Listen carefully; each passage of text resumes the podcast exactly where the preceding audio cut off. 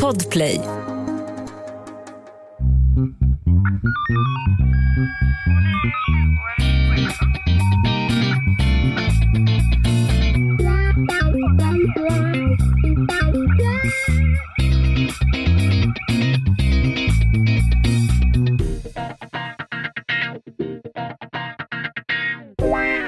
Välkomna till krimpoddarnas krimpodd över min döda kropp.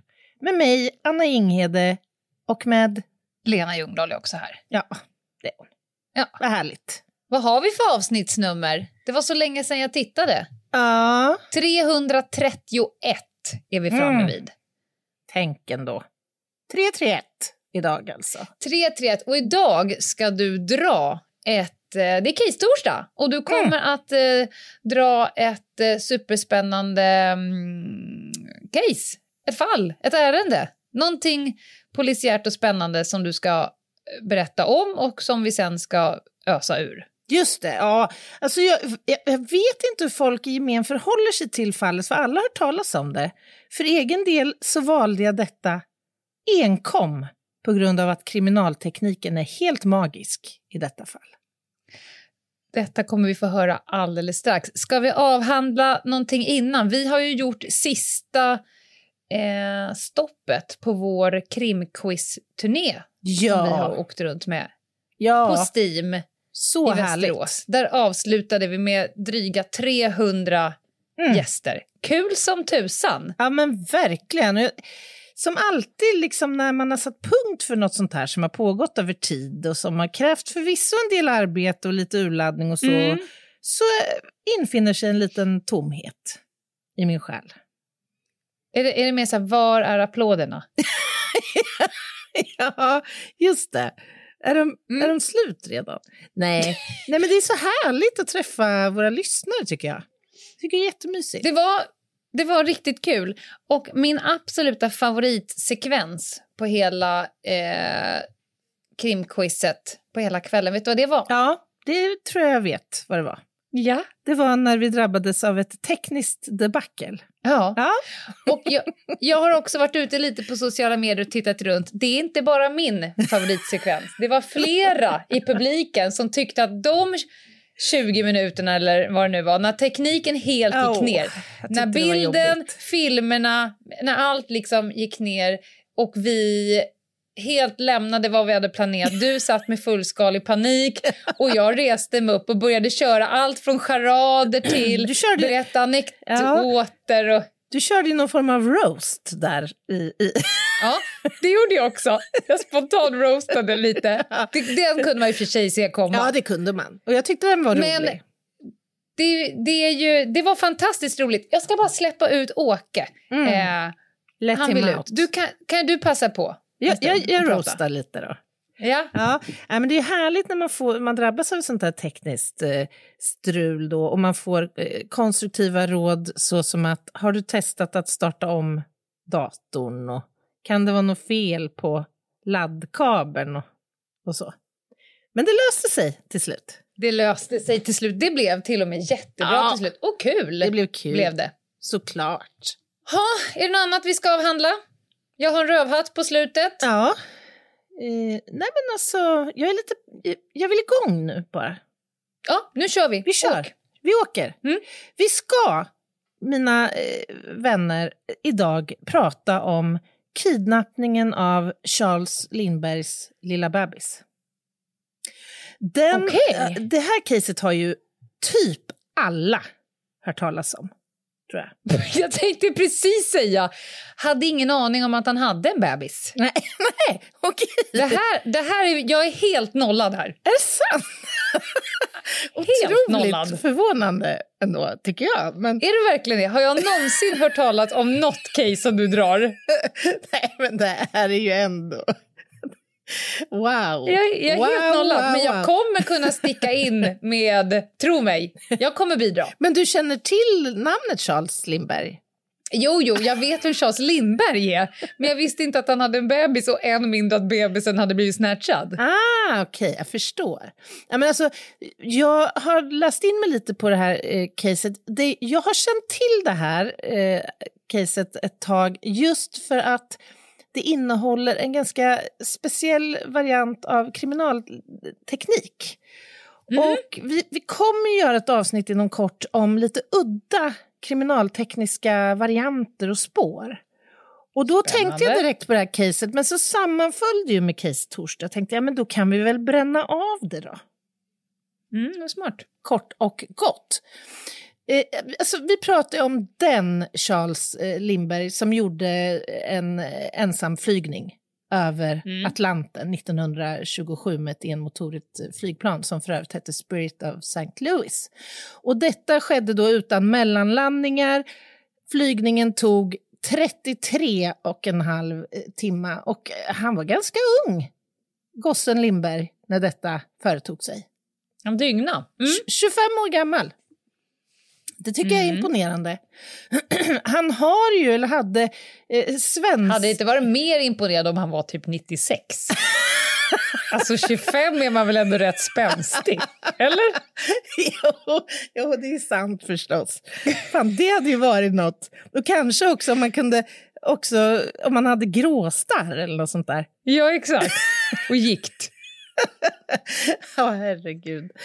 Lindberg, han var ju av svensk börd, eller svensk ättling, så att säga. Mm. Son till advokaten Charles Augustus Lindberg och sonson till bonden Ola Månsson i, håll i nu Ljungdahl, Gårdslösa nummer 15 i Smedstorps socken i Skåne. Det har aldrig varit. Inte jag heller. Lite kuriosa. Lindberg var ju... Alltså han kom ju att ägna sig tidigt i sin yrkeskarriär åt eh, flygning. Han var ju skolad i eh, försvaret, i armén. Mm. Eh, och gick arméns flygutbildning och blev sedermera kapten i flygvapnets reserv och postflygare för det amerikanska postverket. Och han hade rykte om sig att vara otroligt eh, skicklig i luften, så att säga. Men också att han mm. hade haft viss tur. Eh, han hade nämligen störtat ett antal gånger innan Atlantenflygningen ägde rum. Så att säga. Fyra gånger mm. beskrivs det att han har räddats ur störtande flygplan eh, med hjälp av mm. fallskärm och sådär. Så att han var nog lite av en eh, så att säga, kicksökare också, får jag för mig. Kan man tro. Det kan man tro. Hur den var, 1927 så träffade han sin blivande hustru Anne Morrow i Mexiko. Och eh, hon kom från en eh, hyggligt inflytelserik familj. Eh, hennes pappa var USAs ambassadör i, mm -hmm. i Mexiko. Och de hade en sak gemensamt, nämligen flygning. Morrow var också intresserad av det och fick ju nu den bästa skolningen genom sin blivande make, Charles Lindbergh. Mm. Hon blev också Lindbergs eh, co-pilot. Det är lite coolt ändå. Så de flög mycket tillsammans. De kom att gifta sig och ganska snart så föddes då deras första barn. Charles Charlie kallades han. Augustus Lindberg Jr. Kan vi prata lite om det här, varför det förr ja, var så otroligt viktigt att döpa eh, avkomman till exakt samma sak som pappa, farfar, gammelfarfar och farfars farfars far? Man vill ju tro att det att det inte fanns en större portion narcissism vid den tidpunkten utan att det fanns något praktiskt ja, med det hela. Ja, ja, handlar om det, att det här är ett liksom, pragmatiskt sätt att så underlätta för omvärlden. Alltså gör verkligen det? Augustus! Ja, i och för sig. Ja, ja, ja, ja, ja, ja, ja. Nej, jag menar junior, junior, junior, den andra junior, junior. Det är inte förenklande att ha samma namn, Anna. Det har du fan helt rätt i. Inte om man befinner sig i samma lokal, så att säga. Nej, jag tycker det är, det är stökigt. Men, men Verkligen. jag känner ju en person här och nu som heter ett namn och hans pappa hette samma namn och hans son fick också samma namn fast i andra namn. Det tog liksom, nå- någonstans för räcker det. ja. Men, men då är det liksom, de är fyra stycken av samma namn i rad. Ja, ja. Konstigt. ja men, men det kanske då är som sagt inte tilltalsnamnen då. Det är under... Jo. Ah, Allihopa Jo, jo, jo. samma. Ja, Nej, men, nu ska jag inte hänga ut, Nej, men nej. det är som att, att han heter Thomas, hans, hans pappa heter Thomas och farfar heter Thomas och då blev so sonen Karl Thomas. fick ändå... Jag tycker ändå att det är fräscht att det smög sig in det är ett trendbrott. till namn. Oj, jösses. Det kanske var av den här anledningen som då eh, Charles eh, Junior blev kallad Örnen. Att han fick ett Mhm. smeknamn, så att säga. Och det här Sa de då när han föddes att örnen har landat? det förtäller inte historien, men det utgår jag ifrån. Jag annars, tror det. annars blir jag besviken. Det, det stammar nog sannolikt i alla fall från Lindbergs, alltså den äldre då smeknamn, The Lone Eagle. Hur det än eh, kom sig så, så skulle ju familjen Lindberg drabbas av ett eh, enormt trauma och det är ju detta då som har blivit känt som eh, kidnappningen av eh, Charles Lindbergs eh, son. Och detta ska äga rum 1932, den första mars. Då var det så här att eh, Charlie den... Vad stökigt det blir. Charles den äldre och hans hustru. Ja. Ja, Mhm. de, eh, de hade flera residens, så att säga. Men nu befann de sig eh, i sitt, eh, jag vet inte om det är ett sommarviste eller fritidshus eller motsvarande, men de skulle åka till sitt andra residens egentligen den här dagen. Men lilla pojken blev sjuk. Han blev förkyld och febrig så de bestämde sig för att eh, stanna kvar här nu då. Mm. Eh, och de hade ju såklart tjänstefolk, bland annat en nanny som heter Betty Go. Och eh, hon fick nu eh, ansvaret att ta hand om lilla eh, Charlie Junior här när han var sjuk. Och hon hade koll på honom i the nursery, alltså i lilla barnkammaren som var beläget på andra våningen i den här fastigheten. Hon gick och tittade till honom titt som tätt under kvällen. Och klockan 20.00 när hon gick in, då låg han i sin lilla crib och verkade må bra. Men nästa Mm. gång, klockan 22, när hon skulle gå in för att kontrollera honom igen, då var sängen tom. Ah. Det, här, det här är en av mina liksom...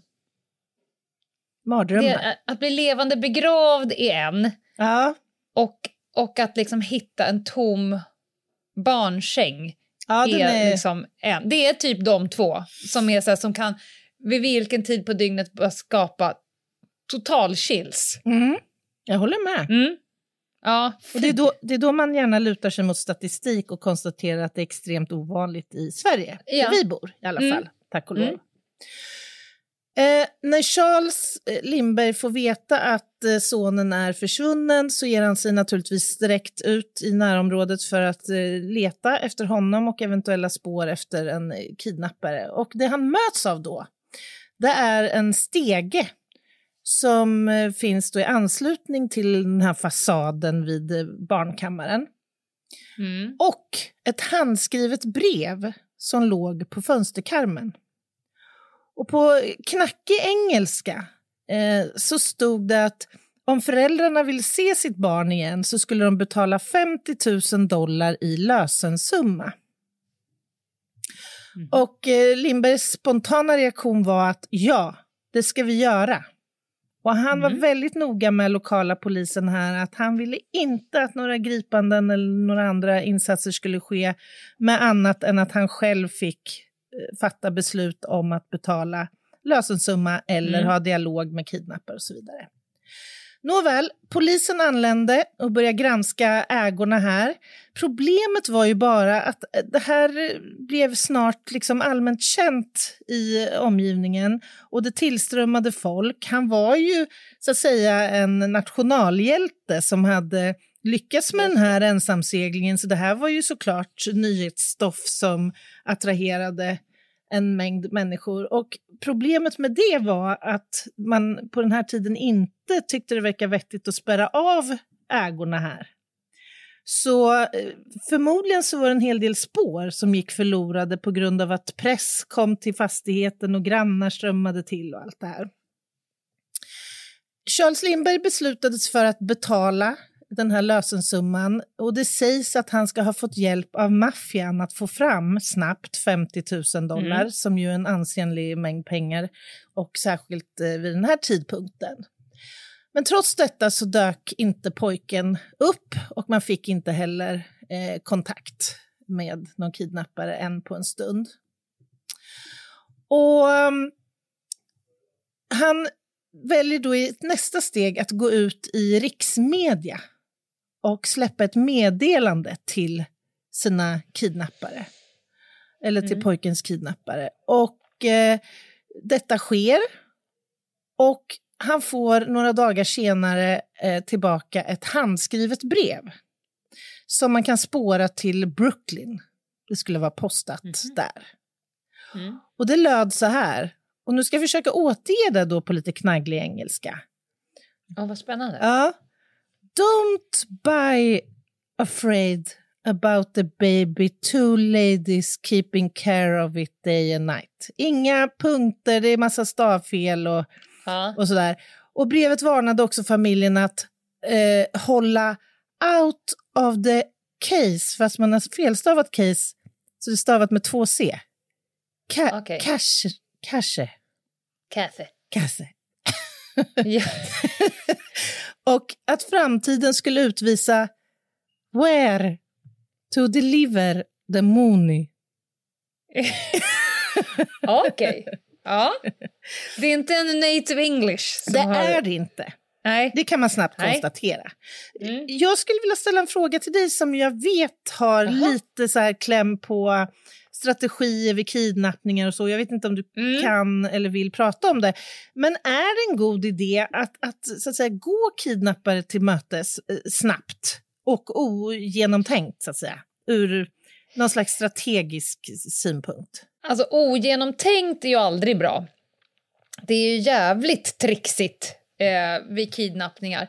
Det är inte alltid bara som ett rakspår att nej, vi förhandlar, vi gör ingenting med kidnappare, vi förhandlar ingenting utan låt polisen sköta det. När jag jobbade då med, på ett bolag där man höll på en hel del med människor som hade en mer extremt kapitalstarka människor. De var ju oftast rädda att deras barn skulle kidnappas och sen skulle då pressas eh, mamma och pappa mm. på pengar. Och då sa ju vi att det är en god idé att bromsa in och tänka till lite innan mm. man kanske ringer eh, polis. För polisen måste på något sätt ta över och dra igång. Så att det finns inte ett facit som går att applicera på alla case alltid hela tiden. Mm. Eh, däremot så det, och, och, dessutom så är det väldigt ovanligt med liksom, eh, faktiska kidnappningar. Det var, kan vara tigerkidnappning under mm. kort stund medan jag kommer åt någonting. Det kan också vara falsk kidnappning. Och så vidare. så att, att få hjälp att navigera, mm. eh, skulle jag säga, av någon som inte befinner sig i djup affekt. Just och det, det gör man ju själv. Ja, men alltså man, kan ju, eh. man kan ju lätt relatera till känslan att det är klart som fan ja. jag betalar på en gång så jag får mitt barn ja. tillbaka. Och gör man det liksom på en gång, supersnabbt och så vidare skulle jag ha varit kidnappad då, då hade jag tänkt att det här var ju easy. Jag kommer inte bara släppa ungen mm. då. Eh, får du fram så mycket pengar på så kort tid, ja då kommer jag garanterat säga ja, du trodde det var klart. Mm. Det där var steg ett. Intressant. Eh, så att det finns lite räv och rackarspel och strategier i det där. Ja. Men hjälp behöver man ha. Man ska inte försöka navigera i det själv. Det är direkt dumt. Väl talat. Mm. Fynd på brottsplatsen då ska vi prata lite grann om innan vi går på första pausen. Ja. För det första så stod fönstret på andra våningen på vid gavel. Det var ju fönstret då till barnkammaren. Eh, I mm. anslutning till, till eh, fönstret så eh, låg också en stege som man ganska snabbt kunde konstatera såg lite hemmasnickrad ut. Det var liksom inte samma avstånd mellan stegen på den och sådär. Och den var ihopfälld, eller vad ska jag säga, den var i tre sektioner. Så den var liksom delbar, så att man lite smidigt kunde transportera den. Man såg också att det fanns färska skrapmärken och isättningsmärken både i jorden nedanför fönstret men också liksom uppe vid fönstret, vid fönsterkarm och nisch och sådär. Eh, Och man tolkade det här som att stegen var central, hade varit central för att helt enkelt komma åt lilla pojken. Man fann också en skruvmejsel med trähandtag. Man fann ett eh, ganska risigt men ändå fotavtryck färskt i jorden nedanför fönstret. Man sökte såklart spår även inne i barnkammaren men man hittade varken blod eller fingeravtryck eh, men däremot lite lera fro- som man tolkade kom från marken nedanför. Och så var det då den här eh, lappen eh, om, där man krävde pengar. Mm. Eh, och det var vad man liksom hade att eh, utgå ifrån. Och ganska snabbt så fick man ju känslan utifrån texten då i det här brevet att kanske är det fråga om en kidnappare här som har, i, i vart fall har varit delaktig i detta och som inte behärskar engelska som första språk, så att säga. Nåväl, det är ju många nu som vill hjälpa till också, för det här är ju ett nationellt trauma, det som har hänt.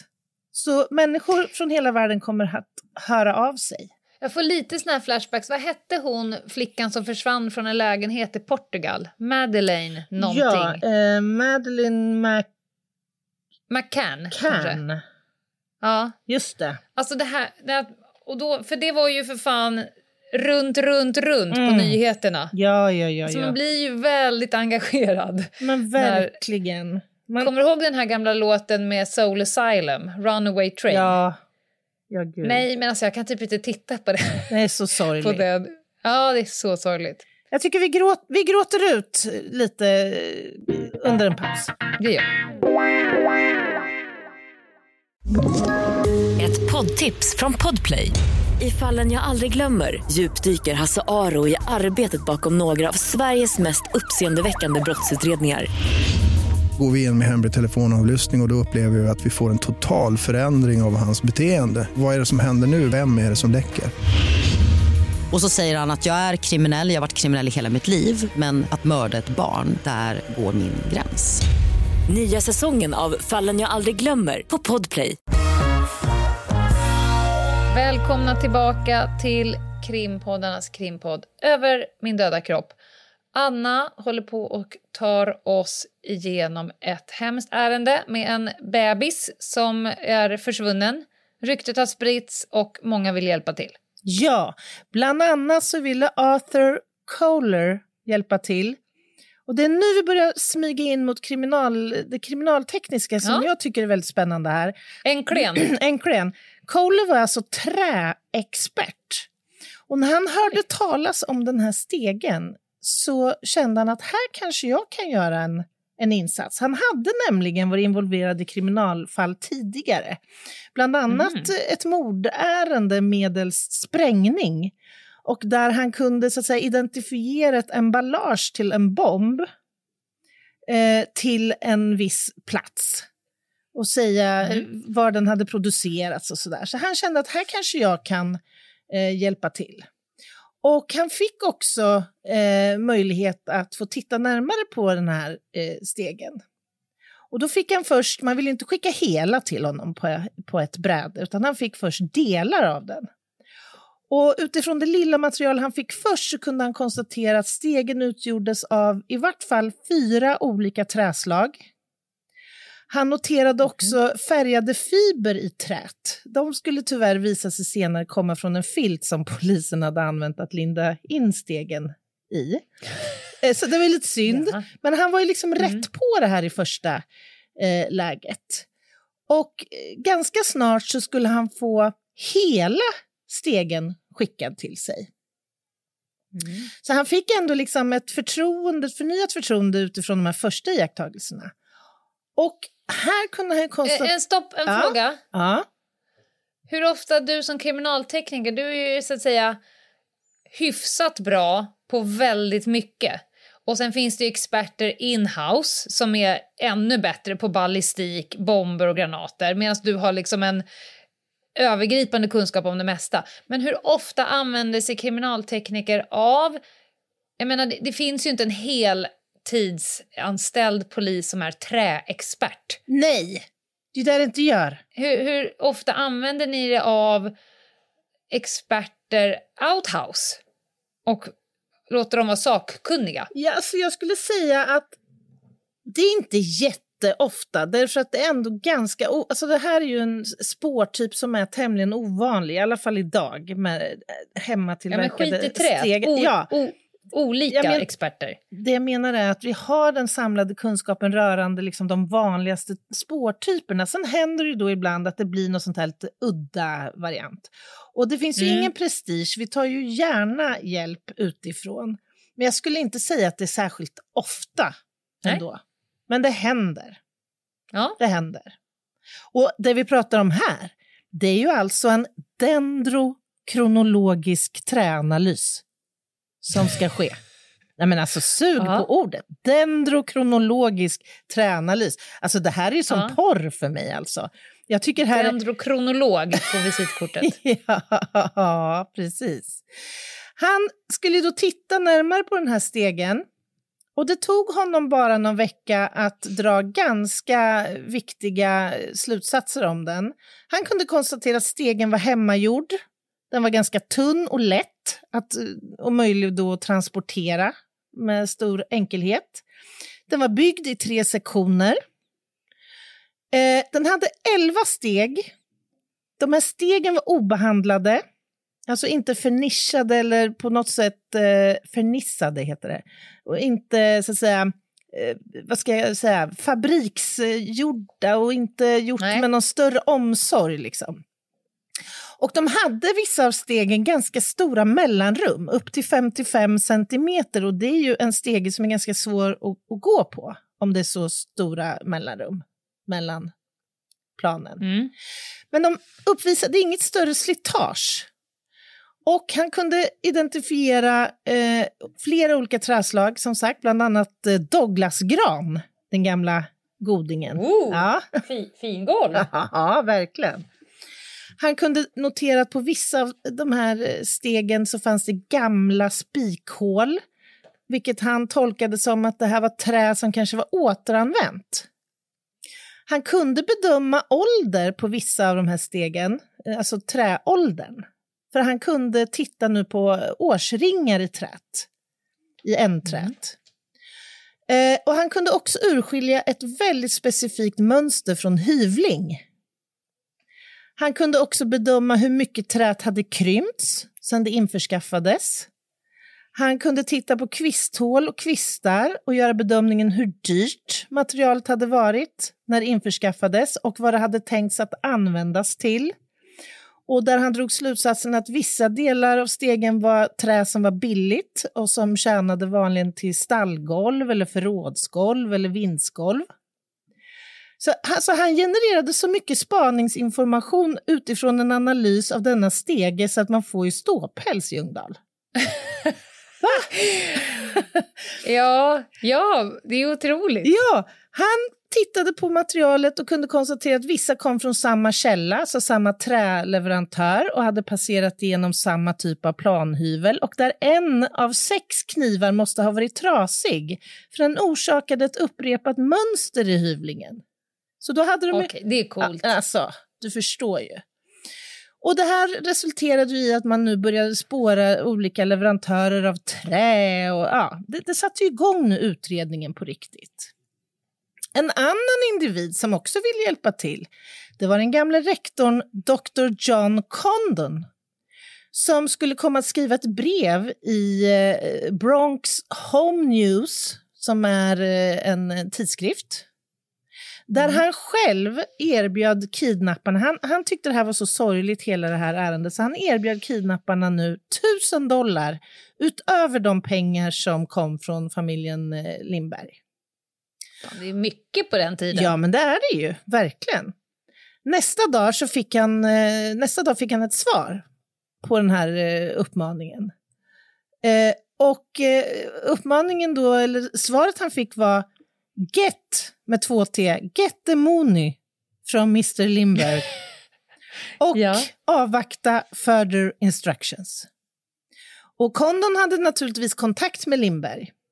Och Lindberg menar ju att jag har pengar eh, redo Så det kan du hälsa tillbaka till kidnapparna. Han blev någon slags mellanhand här, eller vad man ska kalla det. Mm. Och ett och tre så ringer det en dag på kondons dörrklocka. Och då är det en man, en taxichaufför, som, som överlämnar ett brev som han har fått i uppdrag att lämna på den här adressen av en annan man. Och det visar sig vara då från kidnapparna. Och Kondon uppmanas ju nu då att ta sig till en viss adress och där träffa en man för eh, överlämning av pengarna.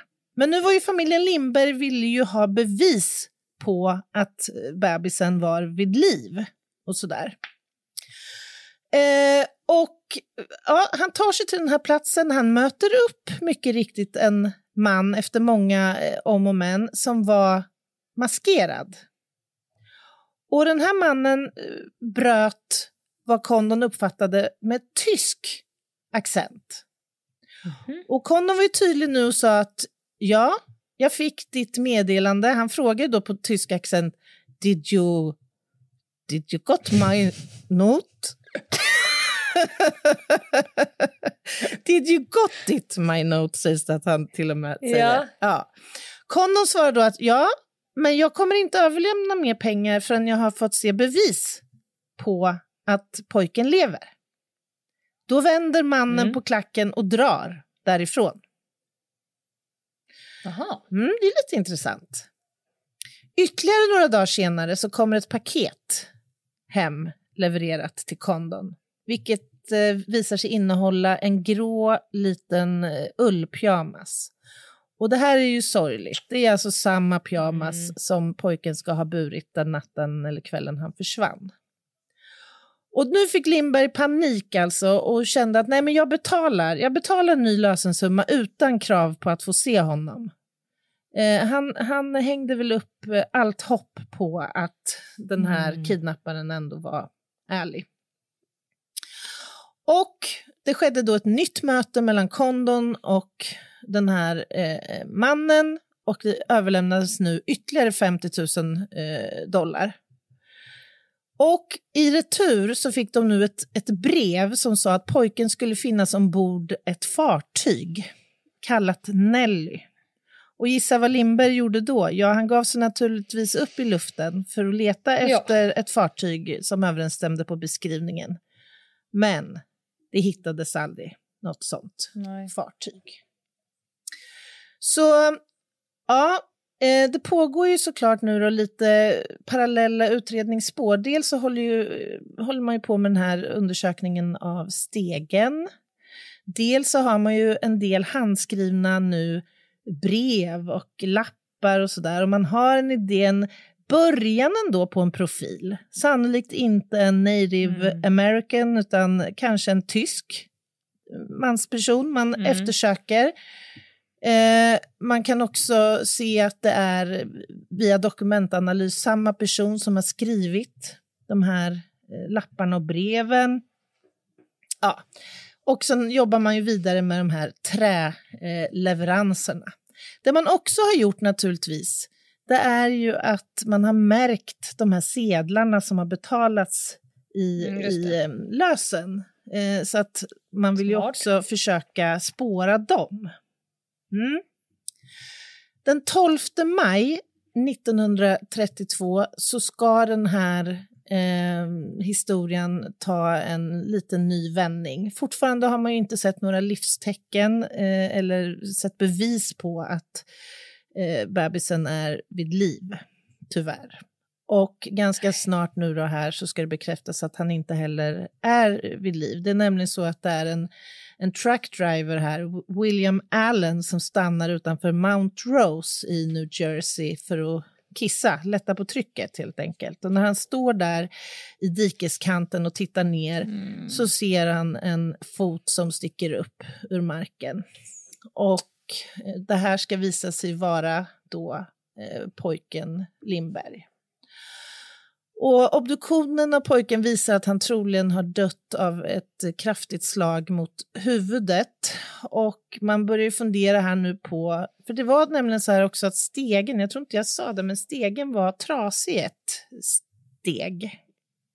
Mm. Så möjligen, en hypotes var ju att den här kidnapparen kan ha ramlat eller fallit ner eller tappat mm. pojken från höjd ner i marken. Och att han Aha. faktiskt avled ganska snart efter att han togs ur sin vagga. Det ska också sägas att eh, det har spekulerats i efterhand om den här identifieringen av pojken, hur den eh, faktiskt gick till. Eh, men man får väl mm. ändå utgå från att de var så pass säkra eh, att, ja, att, att det är något slags efterspel där man kanske ifrågasätter det här caset på något sätt. Eh, åter till utredningen då. Man hade ju inte ännu några egentliga konkreta misstankar eh, om vem som skulle haft intresse av att föra bort pojken Lindberg. Det är klart att man förstod ju att han var ju ett, eh, vad ska man säga, tacksamt offer i meningen, lite utifrån det du nämnde tidigare, att det här är sonen till en hyggligt framgångsrik och kanske till viss del förmögen eh, man som skulle kunna tänkas få fram pengar och betala för ja, att få sitt barn tillbaka. Så det är klart att han var väl utsatt i någon mening.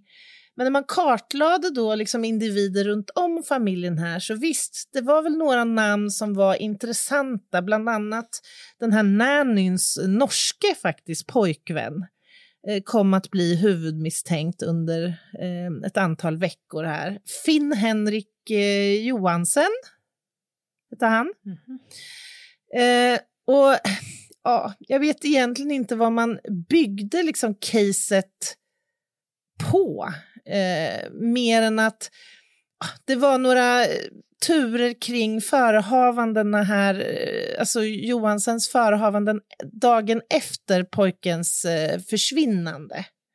Han ljög i förhör om vad han hade gjort och han liksom hade betett sig på ett sätt som man tyckte verkade misstänksamt och Betty om någon hade ju information om var de befann sig den här aktuella kvällen. Att de inte lämnade sitt sommarhus utan faktiskt fanns kvar på den här adressen och så, vilket gjorde att man tänkte att det kanske var fråga om ett insiderjobb det här. Mm. och det fanns också tankar om att det kanske skulle ha varit fråga om ett samarbete då mellan Betty och den här Henry. Eh, men han förnekade ju till inblandning av detta och, och även eh, Charles Lindberg deltog i förhören med eh, Johansen. Eh, ja, det var tydligen okej okay på den tiden. Ja. det som hände var att han skickades till Ellis Island för en tid och sedan uppmanades att lämna eh, landet. Han befann sig trots allt i USA illegalt och han lämnade landet och han skulle aldrig sen se sin älskade Betty igen. Utan det var väl hans sätt att undkomma det här jobbiga mm. att bli, bli misstänkt för eh, för det här bortförandet. Mm. Även Lindbergs hushållerska eh, kom att misstänka, misstänkas av samma, eller utredas i vart fall, av samma anledning. Att hon också hade kunskap om var familjen befann sig, var pojken befann sig i huset och alla de här sakerna. Och det här sägs ha tagit så hårt på Violet Sharp så att hon faktiskt tog sitt liv efter att ha varit, eh, om än tillfälligt misstänkt Oj. för att ha bidragit till detta, eller varit delaktig i det. Men så var det ju det här med sedlarna eh, som man nu också började hålla utkik efter som man förväntade sig skulle kunna dyka upp lite här och där. Det var ju så att det, det var ju ganska mycket pengar som, som var i omlopp eh, från de här lösensummorna. Och man hade ju naturligtvis skrivit ner alla serienummer på sedlar. Och man skickade ut, polisen skickade alltså ut 250 000 kopior av denna lista på serienummer till mm. alla tänkbara olika affärer och verksamheter i, i New York. Och president Roosevelt, ja, förstå vad det här har inneburit för, för mm. insatser. Mm. Och det här är alltså hundra år sedan. Man måste ändå säga att det är ett mm. ganska offensivt utredningsarbete som har bedrivits. Eh, pre president Roosevelt han beslutade att sedlar från den här kidnappningen skulle förbjudas till och med. och att det var för, förenat med höga straff om man befattade sig med, med de här sedlarna. eh, och en belöning gavs till och med om man rapporterade in till myndigheterna eh, om man stötte på dem. Och det var detta mm. som skulle resultera i ett genombrott ganska snart faktiskt. Och nu är vi framme i september 1934 när det är en anställd på en bensinstation. Som... Bara, det, är det, är en reflektion, ja. det är inte alla som är riktigt lika inför lagen och samhällets resurser. Nej. Inte då, inte, inte nu. nu. Den här typen av eh, man ur hus Just det. sker ju inte så att säga vid alla familjetragedier. Det gör det verkligen inte. Nej. Det gör det verkligen inte. Nej. Eh, man kan ju tänka eh, att alltså Lindberg hade ju tajta kontakter i, i liksom maffiakretsar också. Och det är väl mm. ingen hemlighet att, att många i Capone liksom, släktet också hade visst inflytande i, inom polisen och poliskåren. Nej. Så att, eh, ja, det finns säkert mer att gräva i här för den som är intresserad. Men det är ju då en mackanställd som alltså får ta emot sedlar från en bilist mm. som har tankat eh, med de här sedlarna eller betalat med de här sedlarna. Och eh, den här mackanställde skriver alltså ner registreringsnumret på nummerplåten på den här bilen. Och skylten kunde spåras till en Bruno Rickard Hautman vilken visade sig vara en mm. tysk snickare. Jaha, ja. Ja, som bodde alldeles nära de här platserna där lösensummor skulle byta händer och så vidare. Sagt och gjort. Hautman grips. Förlåt, men... Mm. Ja, förlåt. Jag bara... Nej. Vadå? Jag, jag gör en, jag, gör en, e- jag, jag slungades tillbaka till 94, Maldiverna. Aha. Då fick jag jag blev alltid hopparad med en tysk som hette Bruno som var manodepressiv. Han var min dykpartner och jättejobbig att dyka med för han försvann alltid under vattnet. Nej. Så jag slungades bara tillbaka eh, när jag alltid fick leta efter min dykpartner. Du kan gå vidare nu, Anna. Okej, okay. jag har skrivit mm. upp det i min carebok här, allt du har sagt sista minuten. Hauptmann, ja. han var ju av tysk börd han hade lite små brott på sitt samvete, men inga liksom eh, stora grejer egentligen. Men han hade då tagit sig in olagligt i USA och försörjde sig som snickare. Han mm. var gift med eh, en tysk immigrant, en kvinna som eh, bodde i Queens. Man gör nu en husrannsakan hemma hos Hautman. Och i garaget så hittar man 14 600 dollar med serienummer mm. som finns med på den här listan. Alltså lösensummesedlar. Mm. En jävla jackpot. Ja, det får man väl ändå säga.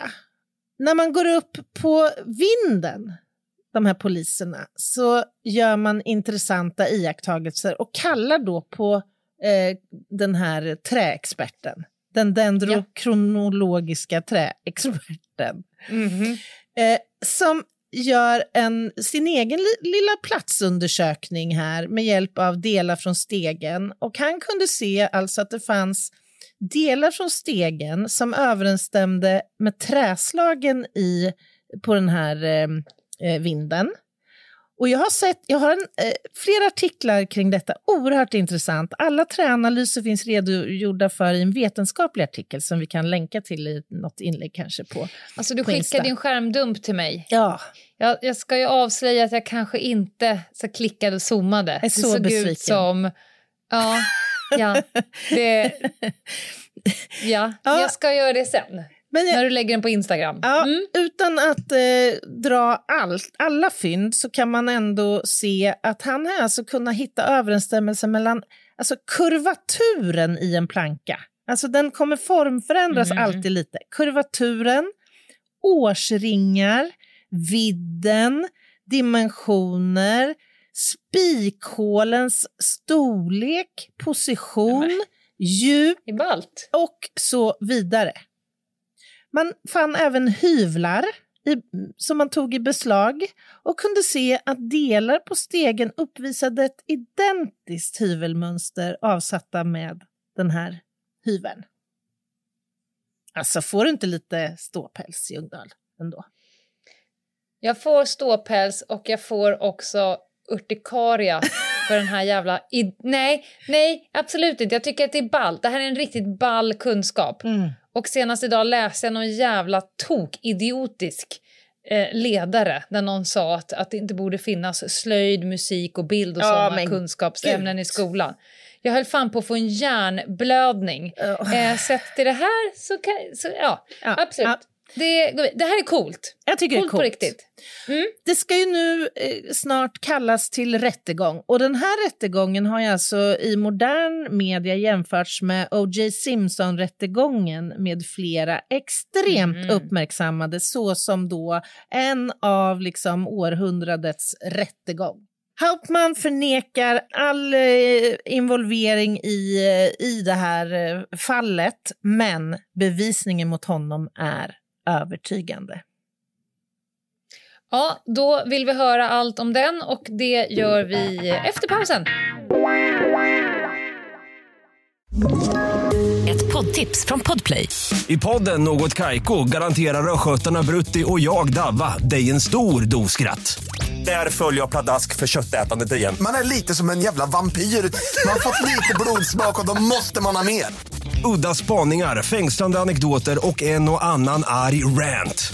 Jag måste ha mitt kaffe på morgonen för annars är jag ingen trevlig människa. Då är du ingen trevlig människa, punkt. Något kajko, hör du på podplay. Därför är gardinerna. Och nu, kära lyssnare i stugor, slott och koja. Nu är ni välkomna tillbaka. Nu sitter han där. Nu sitter han där. Bruno. Inför ja, skranket. Och nekar. Men det har han inte mycket för. Nej. Det, gör han, eh, det, det, har han inte mycket för. Eh, den övertygande bevisningen. Och jag, jag, kommer dra några punkter. Den här listan eh, är ganska lång faktiskt. Mm -hmm. Framför allt, det som man fäste väldigt stor vikt vid, det var eh, analysen av stegen. Det var, mm -hmm. det, mhm. bara den delen av bevisningen genererade så pass mycket övertygande bevisning så att den kanske hade kunnat stå nästintill ensam i slutändan. Men det fanns flera saker som stöttade upp det här.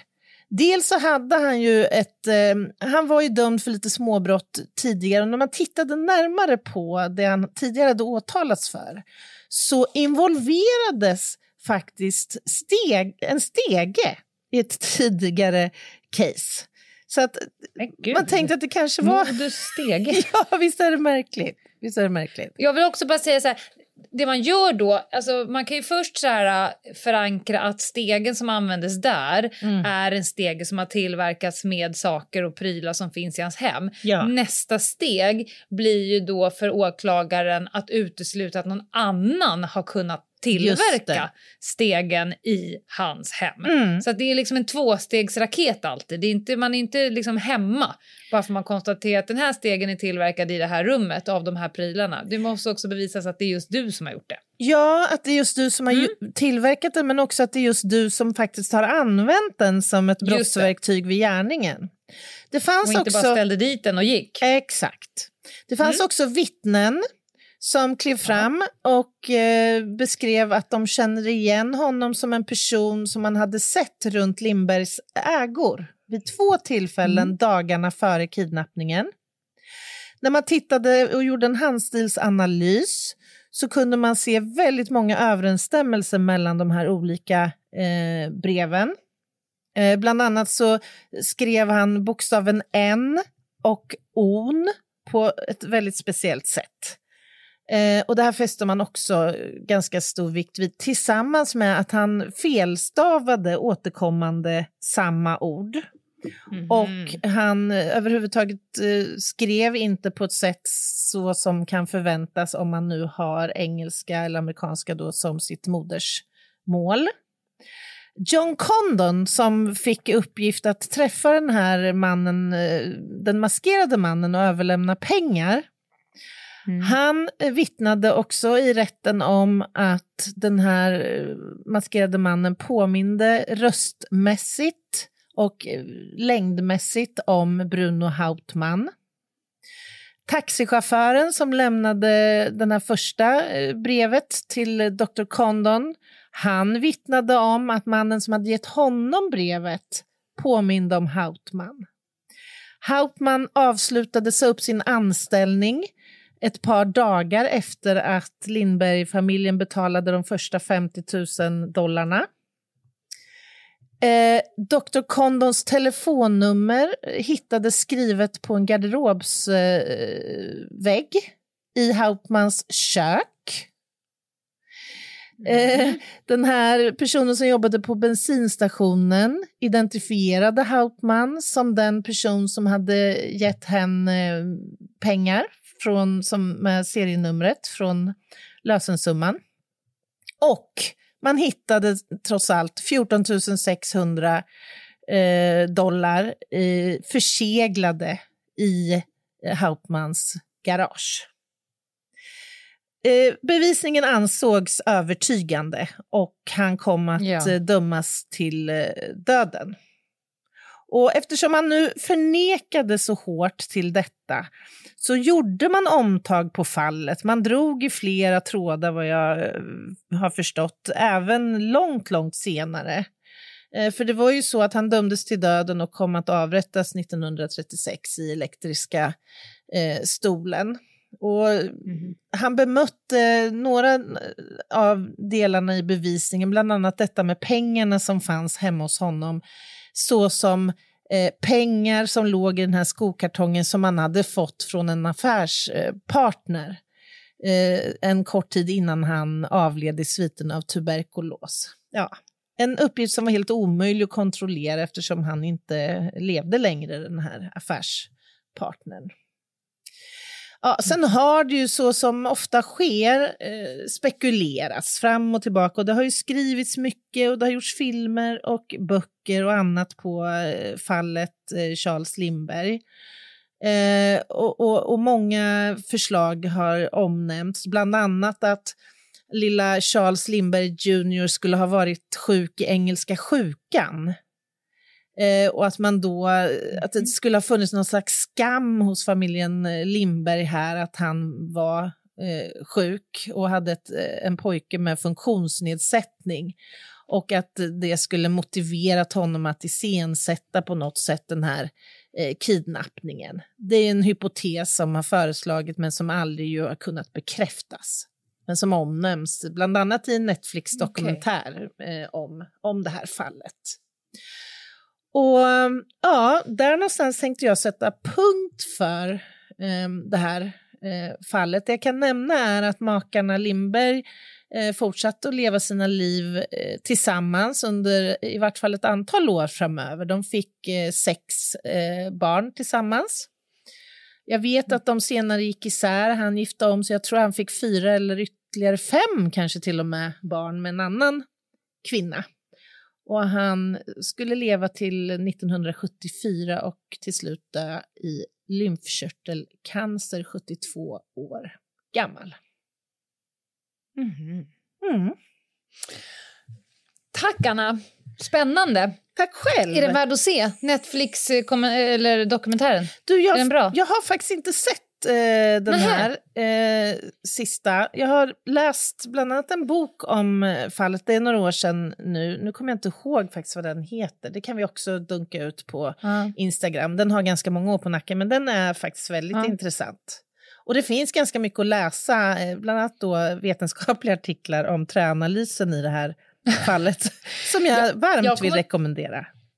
Men jag kommer att tänka på en sån där gång när jag har utnyttjat en extern expert. Aha. Det var ett, eh, ett äh, case, äh, ja, en tokskalle som gick runt med, en, huv, med ett huvud i en hink och mm -hmm. hotade sina människor runt omkring sig för att de skulle betala tillbaka sina skulder för att visa att annars händer det här. Ja. Nåväl, efter en husrannsakan hittade vi i alla fall skitmycket frimärken. Mm -hmm. Alltså rulle på rulle på rulle Oj. på rulle. Och tänkte antingen så är den här någon person som liksom kommit från något rån eller alltså, Ja, ja, det är ju ja. värdehandlingar. Eller så är de förfalskade. Mm. Eh, så då fick jag åka upp till eh, Postnord Mhm. och möta en frimärkesexpert. Nej. För det finns ju En inte... filatelist. Eller vad heter de? Kanske det. Ja, en filantrop. ja. ja, men gud vad Ja. spännande. Ja. Nej men det var så spännande, man kommer in där det var ganska så high tech och, och, och så och så bara upp, till slut att sista där man går runt hörnet och då står en supertunn person med ett jättelångt, alltså han såg exakt ut som jag tänkte mig att han skulle se ut. Nej, men vad spännande. Uttrampade skinnsandaler, pipskägg, tjocka briller med någon så här lupp på ena ögat. liksom. sluta. en, skjort, en skjorta som inte har bytts sedan 1800 kallt. Med lite mjäll på axlarna. Ett Ja, tunt, tunt lager Ja. av vitt damm bara. Ja, Ja. och luktade liksom kommers utan filter. Åh, Och han bara Gud. tog, jag, tror, jag tror att han ägnade en halv mikrosekund åt Ja, han kunde säga frimärket. direkt. Ja, ja, ja, ja. Han nästan tittar på mig med avsmak. Hur kan du vara så jävla dum så att du inte vet vad det här är? Nej, men sen fick jag liksom, så visade han då massa olika frimärken. Då hade han ju liksom original och kopia av massa sorter. Det var Ah, väldigt roligt faktiskt intressant. och, och botanisera lite i det. Men det var en typ exempel på extern expert Kompetens. som man behöver. Ja. Ja, verkligen. Men det... Jag, Jag undrar vem som tar över. ja, men, Han lever nog inte idag. nej, nej, men jag måste bara flika in för att de få gånger man har anlitat externa experter så blir man ju djupt, djupt eh, imponerad och även lite, lite Ja. förvånad över att det finns så otroligt många så här, Nördar. nördar där ute som man bara Ja, älskar. älskar det. Ja. Ja. Nåväl. Hörru du, eh, du har ju en rövhatt på G, det vet jag. Ja, Ja! det har jag. Men ska vi ta lite samhällsinfo först? Vad har vi? Gör det. Vad har vi? Har vi? Ja, inget. Nej, men vi kan väl ändå nämna eh, vår Instagram-sida, Ljungdahl och Ginghede. För vi kan ju smälla ut lite content där. Det här är jag nämligen ganska bra på, content. Så det kommer ni få se på Instagram. Jag har väl blockat dig från Ja, vårt konto. Jag vågar inte göra någonting, jag får bara skäll när jag är inne och vevar Ja. där. Ja. Men ehm, that's it. Du kommer lägga ut lite eh, foton från det här caset. Det kommer jag göra, absolut. Mm. Så får det bli. Det får du göra. Och eh, nu vill jag få den levererad till mig som en liten present. Ja, du Rövhatten. kommer att få. Jag är lite fnissig idag. Jaha. Lenas rövhatt. Ja, men Anna. Ibland, ibland har jag ju moments där jag inte är jätte, jättestolt över mig själv. Har du Mm. såna moments? Gud, varje dag nästan. Alltså, ja, jag ska jag har. ta dig med på en liten resa och jag vet inte riktigt. Jag, jag skulle säga att rövhatten är idag 50% jag själv för att jag är så puckad Aha. och 50 Oj. bedragaren som lurade mig. Och Åh, lyckades. nej! Vad hemskt. Ja. Berätta. Jag är bedragen och jag är så... What? Jag tänkte säga röv. Jag, Har du köpt en cykel säga- på Facebook?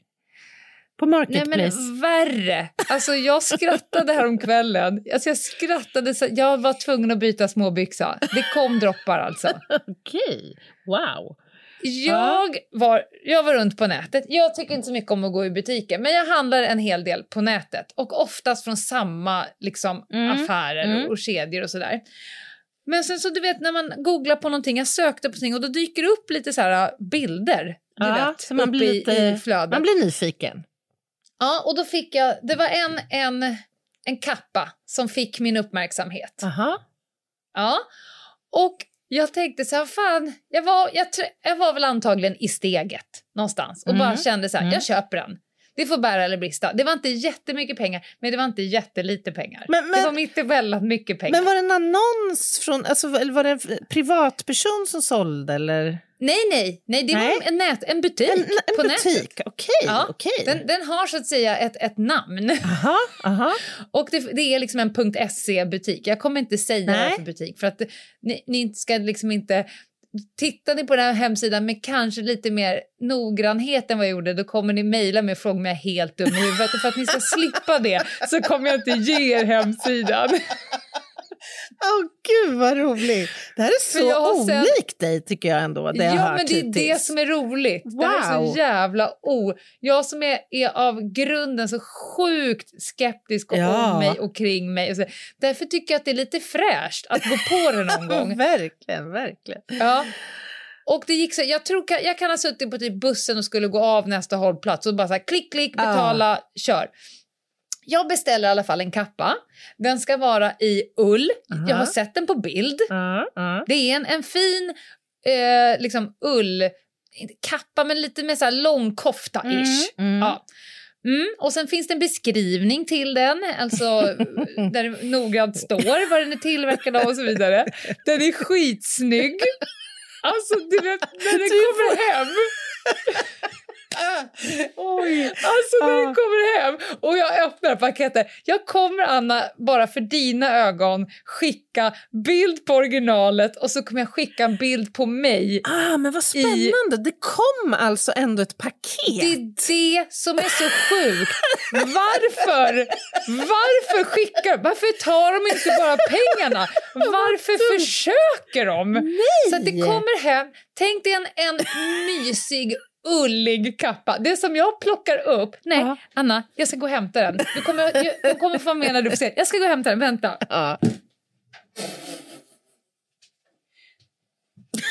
ja.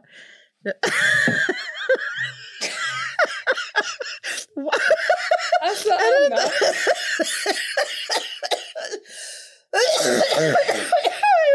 Den är gjord i typ vax. Jag tänkte, jag tänkte ju säga där, galon. Det är som, Är det galon? det är som papper.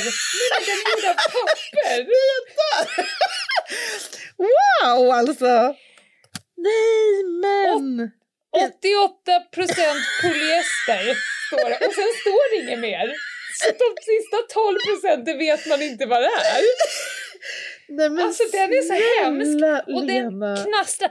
Den är gjord som ett vaxat, alltså det är ett vaxat papper. Ja, ja. Det ser ut som en, en bordsduk i väldigt fina färger ska sägas. Nej, men den är kvaliteten Den är ju... inte ens rätt. Alltså jag skrattade så jag höll på att dö. I alla fall, och jag tänker, nej men vad i Åh. helvete. Då går jag in på deras hemsida. Det blir bara bättre. Jag går in på deras hemsida och så när jag då börjar läsa, alltså det är så roligt. Det, det, då finns det kontaktuppgifter. Telefonnumret finns inte. Till att börja med, telefonnumret existerar inte. Jag har försökt via liksom Swish, nej det finns ingen koppling. Jag har ringt det, så här, numret har ingen abonnent, finns inte. Det börjar där. Är det, får jag bara Så fråga, finns- har det svenskt säte, så att säga, företaget? Det har Ja, ja. .se finns det. Och det finns Ja, också det, en jag. svensk Ja. adress. Då gick jag in på nätet och kollade svenska adressen. Då kommer man till en, en plåtbakdörr på nedre botten i ett bostadshus i en mellanstor svensk stad. Klickar man på mejladressen så kommer bara en sån här eh, eh, fel, du vet, när man försöker skicka så Ja. kommer så här Microsoft Ja, ja. Eh, Det fel. Det de här är finns inte. olevererbart. Mm. Nej. Mejlen finns inte, telefonnumret finns inte, adressen är, är liksom grovsoprummet på en bostadsrättsförening i, i Mellanstora Sverige. Fan. Och sen går man in och, och läser det finstilta, för nu jag inser att, att de här pengarna kan jag ju se mig i stjärnorna ja, efter. ja, ja, ja, ja. Men så går man in och läser på, på det finstilta, användarvillkoren. Jag vill bara läsa upp användar... Artikel, artikel 3, allmänna villkor. Lyssna nu. Vi förbehåller oss rätten att vägra service när som helst och av vilken anledning som helst. Punkt. Jag dör! Alltså, De är ju inte så ens jävla- oärliga! De är ju Och inte nu ens kommer det bästa. Nu kommer det bästa. Ah. Om jag tittar på adressen, Ja. vem som bor på adressen, vet du vad personen heter i efternamn? Apropå att det här är veckans rövhatt. Ja, Det är flera antar jag då, om det är bostads eller hyreshus? eller? det, det är flera. Ja. Men den som kommer först, Aha. vet du vad personen heter i efternamn?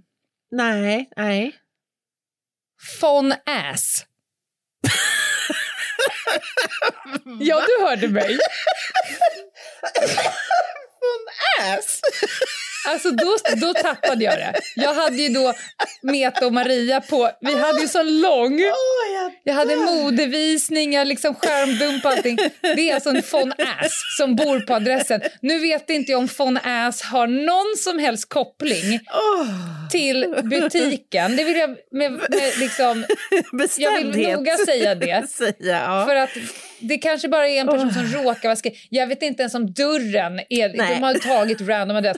Men när jag upptäcker att, att liksom innehavaren av dörren som den här butiken går till heter von Ass. Alltså A-S-S. Det är ju episkt det här. Alltså, Det det, är det är nästan så att man, man imponeras över eh, så att säga, förslagenheten men också det kreativa i hela det här upplägget. Nej men alltså, och när man går in på hemsidan, det är så roligt för att det, det börjar ju bra. Första sidan är skitsnygg. Det, Ja. Den ser ut som att det skulle kunna vara typ en vanlig svensk butik. Men ju mer man liksom googlar, går in på de här olika grejerna, alltså det är så roligt. Det är så roligt. Alltså, herregud. Du, du Ja, förstår ju nej. vilken business alltså. Jag, jag kommer inte få tillbaka mina pengar. Nej, det kommer du inte få. Jag har en Men frågan är vad du ska Pisseful. göra med kappan. Jag vet inte. Kan vi göra en tävling? ja, Kan vi på något sätt något? lotta ut den här jackan som består av kul. 88% polyester och sen inget mer? Men du, Det är det som... är det inte Musikhjälpen snart? Borde vi inte kunna göra en kul grej av kappan, dra in så in i helskotta mycket pengar till Musikhjälpen? Det tycker jag skulle Ja, vara kul. kanske. Fast frågan är, alltså jag skulle, be, jag, jag skulle betala för att slippa ha. Jo, men den är ju, den har, alltså, den har ju provenians. Det finns ju så att säga en historia här som, Ja, i och för sig. som alla vill ha. Om du vill ha mer information om vår sekretesspraxis, mejla och sen så skickar man till en mejladress som inte Som finns. inte finns. Nej, men alltså, det, det är en del av mig som tycker den här personen eller de som ligger bakom det här är Ja. ju smarta. Alltså, de är, och de har ju Men då- humor. Ja, men alltså det är nu som jag har min absolut största fråga. Jaha.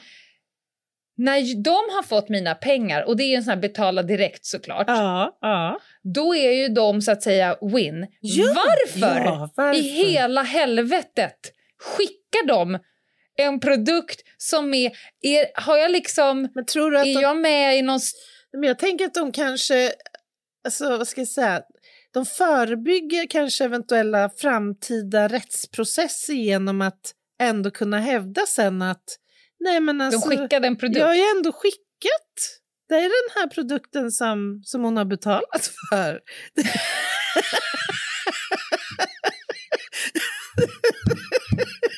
Det är Alltså, ändå... Jag kommer nu, as we speak, skicka, skicka rätt. Ja, du måste ändå... Jag tycker ändå att du har rätt att se... Åh. Eh, fan, kommer jag inte in i... Nej, jag kan inte skicka en bild till dig. Nej, vad synd. Ja, då får du göra det omedelbart Ja, efter. för jag, jag vill ändå att du ska få se eh, så att säga, originalet och diskrepansen som finns däremellan. Åh, man behöver inte så att säga en Ja. de- dendrokronologisk eh, träexpert för att konstatera detta.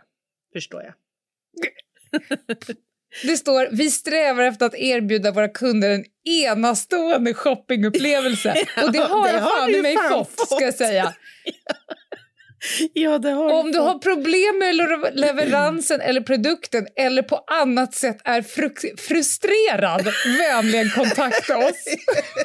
Nej, men alltså det här är ju... Ja, jag älskar Alltså, dem man- faktiskt mer och ja, mer. det måste man ju ge dem. Här, Ja. här på något sätt får man ändå uppskatta kreativiteten, även om det är surt Ja, och blir blåst. fan. Herregud, ja. det finns folk till allt. Helt klart. Mm, så Jag, jag tar det som en eh, dyr lärpeng. Jag äter mig en bit humble pie och sen ska jag göra min läxa och återgå till mina tre butiker jag alltid handlar på. Ja, det låter som kanske en god idé trots allt. Fan. Ja, tack för den eh, väldigt, väldigt roliga rövhatten idag, tycker jag. Väldigt, väldigt rolig. Oj, oj, oj. Hörni, Tack själv. ta hand hand om om er och vi hörs och ses. Puss! Bye!